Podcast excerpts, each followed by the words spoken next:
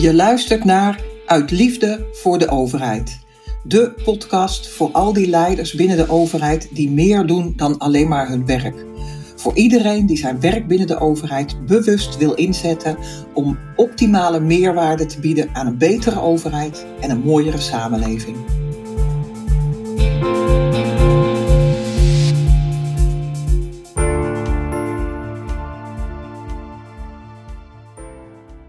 Liefde voor de overheid. Ik had deze titel bedacht voor de podcast. En eerlijk is eerlijk, ik was er zelf heel enthousiast over. Maar toen ik hem voor het eerst aan een paar mensen voorlegde, kreeg ik niet diezelfde enthousiaste reactie. En ook niet het enthousiasme waar ik eerlijk gezegd een beetje op gehoopt had. Ik kreeg gefronste wenkbrauwen en vooral vragen en goed bedoelde opmerkingen als: ja, jeetje, net liefde en overheid in één zin uit liefde voor de overheid, is dat niet een beetje soft? Is dat ook niet een beetje hoogdravend? Kijk, en ik snap wel waar dat vandaan komt natuurlijk. En toch, ik heb er bewust voor gekozen om de titel zo te houden. Uit liefde voor de overheid. Daar zit een filosofie achter en daar wil ik je graag wat meer over vertellen. Vanuit de psychologie zijn er allerlei onderzoeken gedaan naar wat drijft ons mensen in ons handelen. Wat maakt dat we keuzes maken in wat we doen, wat we zeggen, en wat we denken ook. En als je alle menselijk handelen analyseert en je haalt de drijfveren daar dus uit. Hè? Wat zit daaronder? En je gaat dan helemaal tot op het laagste niveau, zeg maar helemaal tot het basale niveau. Dan zijn er maar twee drijfveren die al ons handelen sturen. De ene drijfveer is angst en de andere drijfveer is liefde. En meer smaken zijn er niet. Ik noem dat het pad van angst en het pad van liefde. Ik heb die filosofie jaren geleden eens een keer ergens gelezen en toen dacht ik al gelijk van hé, hey, dit klopt. Eh, je kan namelijk niet tegelijkertijd en op het pad van angst lopen en op het pad van liefde. We switchen constant. Ik ook. Hè. Soms, ik, ik probeer, ik doe mijn best om zoveel mogelijk in liefde te zijn. En soms zit ik in angst. Bij het pad van angst, dan moet je denken, wat hoort daar nou bij? Nou, angst, onzekerheid, uh, dus aanzekerheid, de behoefte om dingen onder controle te houden, geen fouten willen maken, niet door de mand willen vallen. Allemaal van dat soort dingen. Maar ook frustratie en boosheid en haat en roddelen, dat hoort allemaal op het pad van angst. Wat hoort er dan op het pad van liefde? Wat past daarbij? Vertrouwen. Vertrouwen in jezelf, vertrouwen in de medemens, oplossingsgerichtheid, positiviteit, optimisme, fouten kunnen accepteren van jezelf en van anderen en daarvan leren en weer groeien en weer verder gaan. Nou, het interessante is dat juist de overheid, hoe de overheid in elkaar zit, dat hele systeem, dat hangt van angst aan elkaar. De hele overheid is eigenlijk gebouwd op dat pad van angst. We willen als overheid, en dat is een heel goed ding, hè, we willen zorgvuldig ons werk doen, we willen geen fouten maken, want we doen het tenslotte met belastinggeld, met het geld van de burger. Dus we willen ook echt geen fouten maken. Dat is mooi. Maar er zit ook de angst bij. We mogen geen fouten maken. Want we weten dat als we de fout maken als overheid. dat dan al die burgers direct. burgers, uh, verslaggevers, kranten, journalisten. iedereen staat direct met dat negatieve oordeel klaar. En er lijkt het soms wel niks leukers dan te wijzen met het vingertje naar iemand anders. Dat hoort trouwens ook bij het pad van angst. Het bijzondere is dat, ja, die overheid die zit zo in elkaar, maar dat pad van angst, dat wordt dan uiteindelijk een neerwaartse spiraal die zichzelf alleen maar versterkt. We worden steeds voorzichtiger, we gaan steeds meer eromheen lopen draaien, we gaan steeds meer fouten verdoezelen, we gaan fouten vermijden en dat leidt ertoe dat we uiteindelijk per definitie als overheid middelmatig presteren of niet presteren. En daar wil je natuurlijk niet terechtkomen. We willen die andere kant op. Ik geloof absoluut dat de bedoeling van de overheid is om in iedere actie van meerwaarde te zijn voor de samenleving. Dat lukt ons alleen maar als we iedere dag heel bewust steeds weer kiezen om op dat pad van liefde te blijven. Het mooie is, de overheid van Nederland bestaat uit 1 miljoen ambtenaren, grosso modo.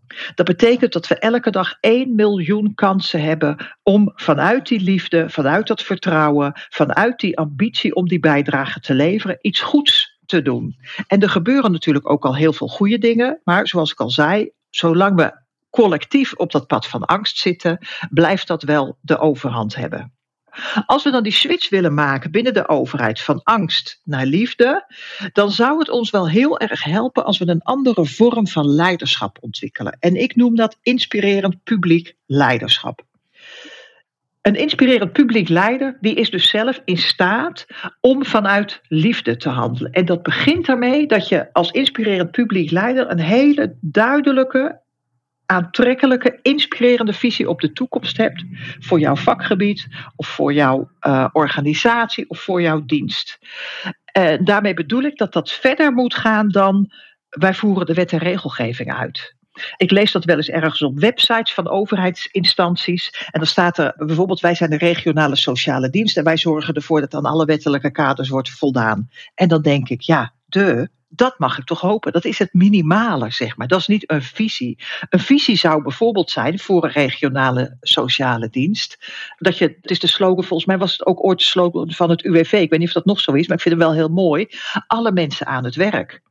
En als je dat als, als slogan neemt en uitwerkt in een visie. Hè, dat je als regionale sociale dienst je stinkende best doet om iedereen die kan werken en een bijdrage kan leveren, daar naartoe te begeleiden. En de mensen die het echt niet kunnen, dat je die ondersteunt. En dan ook nog blijft uitdagen van en hoe kunnen ze dan wel een bijdrage leveren? En niet zozeer omdat iedereen per se een bijdrage moet leveren om zeg maar de uitkering te compenseren, zo bedoel ik hem niet, maar omdat iedereen wordt gelukkig en voelt voldoening als je je bewust bent van het feit dat je een bijdrage ergens aan kan leveren.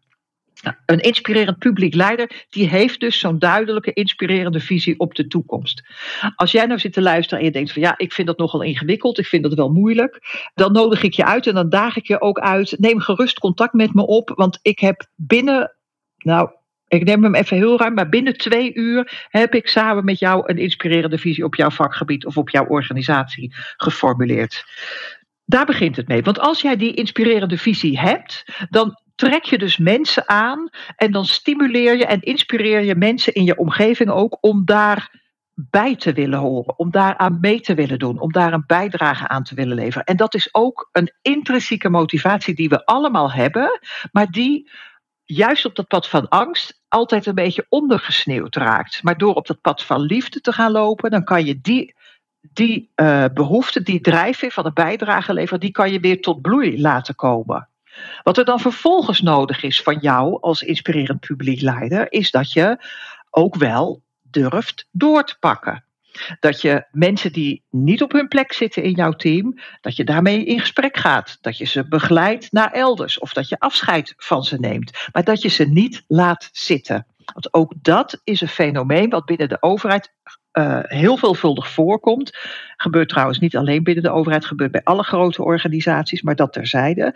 Maar bij de overheid, dat weten we natuurlijk ook allemaal, daar ga ik ook geen doekjes om zitten winden. Er zitten natuurlijk ook mensen die gewoon al heel lang ergens zitten, waarvan niemand meer weet waarom ze er zitten, wat ze doen en wat hun meerwaarde is. En waar al menig leidinggevende gewoon met een grote boog omheen is gelopen. Dat is ook vanuit angst dat er omheen lopen. En het alternatief is dus liefdevol confronterend zijn. Gewoon op basis van de feiten, gesprek aangaan en de conclusie trekken: hé, hey, dit past niet en we gaan voor jou iets anders vinden als je als inspirerend publiek leider op zo'n manier je team gaat leiden, en dat is dus iets anders dan je team managen, maar als je op zo'n manier je team gaat leiden, dan stimuleer en dan inspireer je dus steeds mensen in jouw omgeving om ook vanuit liefde te handelen. En dan kan dat dus een opwaartse spiraal worden. En naast dat het ons heel veel meer resultaten gaat opleveren, want we gaan echt veel meer bereiken, uh, levert het dus ook veel meer werkplezier op. Wat er wel bij komt, is ook een stuk eerlijke communicatie. We zullen eerlijker moeten zijn en duidelijker moeten communiceren als overheid over wat onze doelstellingen zijn en wat we daarin halen en waarom we het niet halen. Want laten we ervan uitgaan dat we doelstellingen ook niet halen. Dat hoort bij het pad van liefde. Ik pak even als voorbeeld, dat vind ik wel een heel mooi voorbeeld, het armoedebeleid in Nederland. Het is alweer eventjes geleden. Ik las het volgens mij op LinkedIn, maar dat doet er eigenlijk niet toe. Ik las ergens dat het, de doelstelling van de minister is om armoede onder de jeugd, ik geloof in 2025, met de helft te hebben teruggebracht. En toen dacht ik, ja, dat klinkt leuk met de helft teruggebracht, maar er zit voor mij iets in wat niet klopt. Namelijk, hoe bestaat het dat wij in een goed ontwikkeld westers land, rijk land, we behoren geloof ik tot de top drie rijkste percentage landen van de wereld, hoe bestaat het dat in ons land kinderen in armoede leven? En waarom zouden we dat überhaupt toestaan? Waarom formuleren we niet als doelstelling, wij nemen het op ons om de armoede onder kinderen zo snel als maar mogelijk is uit te bannen? En de goede luisteraar die hoort waarschijnlijk het verschil. De ene doelstelling heeft het over getallen en exacte gegevens. In 2025 50 procent. Dat is meetbaar, dat is smart. En ik zeg, we gaan het zo snel mogelijk uitbannen. Smart, dat is eventjes uh, een ander. Smart is ook ik weet niet of die zo bedoeld is, voordat ik nou iets ga zeggen wat misschien niet helemaal waar is. Maar in ieder geval leidt smart leidt ook wel tot het voeden van angst. Want dan heb ik een doelstelling geformuleerd en dan moet ik hem ook halen. En omdat ik dat weet aan de voorkant en omdat ik weet dat als ik mijn doelstelling niet haal, dat ik daar dan genadeloos op word afgerekend, wat doe ik dan? Dan ga ik mijn doelstelling een beetje naar beneden bijstellen. Haalbaar. In plaats van dat ik gewoon grote doelen neerzet. De armoede onder kinderen moet worden uitgebannen. En wel zo snel mogelijk. En of dat dan 2025 is of 2024 of 2026. Dat maakt niet uit. Maar zie je dat je eigenlijk per definitie, als je je doel groter stelt, dat je verder komt dan wanneer je je doel vanuit voorzichtigheid maar wat beperkter houdt. Op die manier zou ik heel graag binnen de overheid ook zien dat we daar op een andere manier doelen gaan stellen. En dat wilde ik zeggen, dan moeten we daar ook uh, goed over communiceren. Dus wij, wij mogen ook, vind ik, en ik noem dat altijd overheidsmarketing. Wij mogen wat beter voor het voetlicht brengen wat we doen, hoe we dat doen, waarom we het doen en wat het resultaat daarvan is. En tot nu toe is het natuurlijk zo dat er heel veel dingen die gebeuren, maar daar hebben we het helemaal niet over. En waar hebben we het dan wel over? Over de dingen die ons als burger niet bevallen of die niet goed gaan. Weet je, er is wel volop geklaag over de hoogte van de, van de onroerend zaakbelasting en over de hoogte van de afvalstoffenheffing. Maar ik hoor nooit iemand uh, bijvoorbeeld elke woensdagochtend, ja ik zeg woensdag omdat dat hier bij ons zo is, elke woensdagochtend opnieuw zeggen, nou zo fijn dat de gemeente het plastic afval weer heeft opgehaald. Weet je, dat nemen we maar voor lief. En als overheid, veel ambtenaren, die hebben zoiets als ik, als ik hierover begin, dan zeggen ja, maar we gaan onszelf toch niet zo op de borst trommelen. Daar heeft het niks mee te maken. Het heeft te maken met bewust maken, bewust worden, ook van burgers. Wij mogen als burgers in Nederland toch ons wel bewust zijn van het feit in wat voor een ongelooflijk goed georganiseerd en rijk land wij wonen. In plaats van altijd alleen maar te mopperen en te zagen en te zeuren en te zaniken dat is dan ook dat ik heel bewust zeg. Ik hou van de overheid. Want je moet daar ook een beetje van houden. Wil je dat zo kunnen doen zoals ik dat doe? Als ik een hekel zou hebben aan de overheid, zou ik het werk wat ik heb niet kunnen doen. Dat geldt ook voor leiders. Dat geldt dus ook voor inspirerend publiekleiders. Je moet van je mensen houden. En dat wil niet zeggen dat je met allemaal dikke vrienden moet zijn, maar je moet ze wel vanuit liefde respectvol bejegenen, maar ook respectvol bekijken. En daar hoor ik ook nog wel eens in de praktijk iets anders. En dan hoor ik bijvoorbeeld leidinggevenden zeggen, nou het lijkt wel een kleuterklas. En uh, hoe bestaat het? He, ik heb zelfs wel eens een keer een leidinggevende horen zeggen, het zijn net ameubes. Toen dacht ik ook bij mezelf, nou nou, het was ook een enorme bende op dat team. En ik ben daar dus ook wel het gesprek over aangegaan. Van ja, maar hoe komt dat dan? Als jij zo naar ze kijkt, ja, weet je, hoe behandel je ze dan? Wat zeg je dan tegen ze? Wat zeg je niet? En moedig je ze aan? Geef je ze complimenten? Of ben je alleen maar kritiek aan het spuien? Dus je moet om op het pad van liefde te kunnen blijven lopen en te kunnen blijven leven, moet je ook liefde voelen. Dat begint voor jezelf, liefde voor jezelf, maar ook liefde voor je medemens, liefde voor je collega's, ook liefde en compassie voor de burger. En dan ontstaat er dus een hele andere wereld. Maar dan gaan we dus ook veel makkelijker communiceren en uitleggen waarom we doen wat we doen. En dan kunnen we bijvoorbeeld ook zeggen van ja, chips, dat armoedebeleid, we hadden het zo graag willen uitbannen en het is niet gelukt. Want we liepen, te, en dat is niet als excuus, maar als een verklaring, want we liepen tegen die en die en die obstakels aan. En wat we daarvan geleerd hebben, is dat we nu verder gaan en dat we het nu zo, zo, zo, zo, zo gaan aanpakken. En ik hoop dat je, dat je hoort dat dat een hele andere manier van doen is dan wat wij op het pad van angst gewend zijn om te doen. Nou, ik hoop dat ik je hiermee natuurlijk ontzettend geïnspireerd heb om ook op dat pad van liefde te gaan. Mocht je daar nou vragen over hebben of meer over willen weten, dan mag je mij natuurlijk altijd contacten. En ik hoop vooral dat we met 1 miljoen ambtenaren, laten we toch elke dag allemaal een heel klein stapje ons best doen in de goede richting om van meerwaarde te zijn voor die samenleving. En dan ben ik razend benieuwd naar wat daar allemaal aan resultaten uitkomt.